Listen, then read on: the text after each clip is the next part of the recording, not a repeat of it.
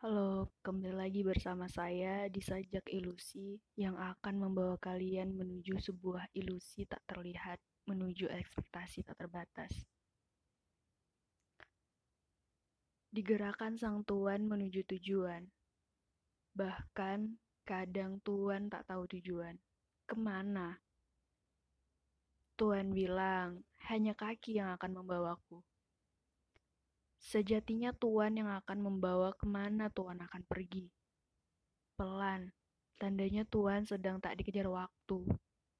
Cepat, itu tandanya Tuhan dikejar sang waktu. Tuhan, hanya Tuhan yang tahu ke mana tujuan Tuhan.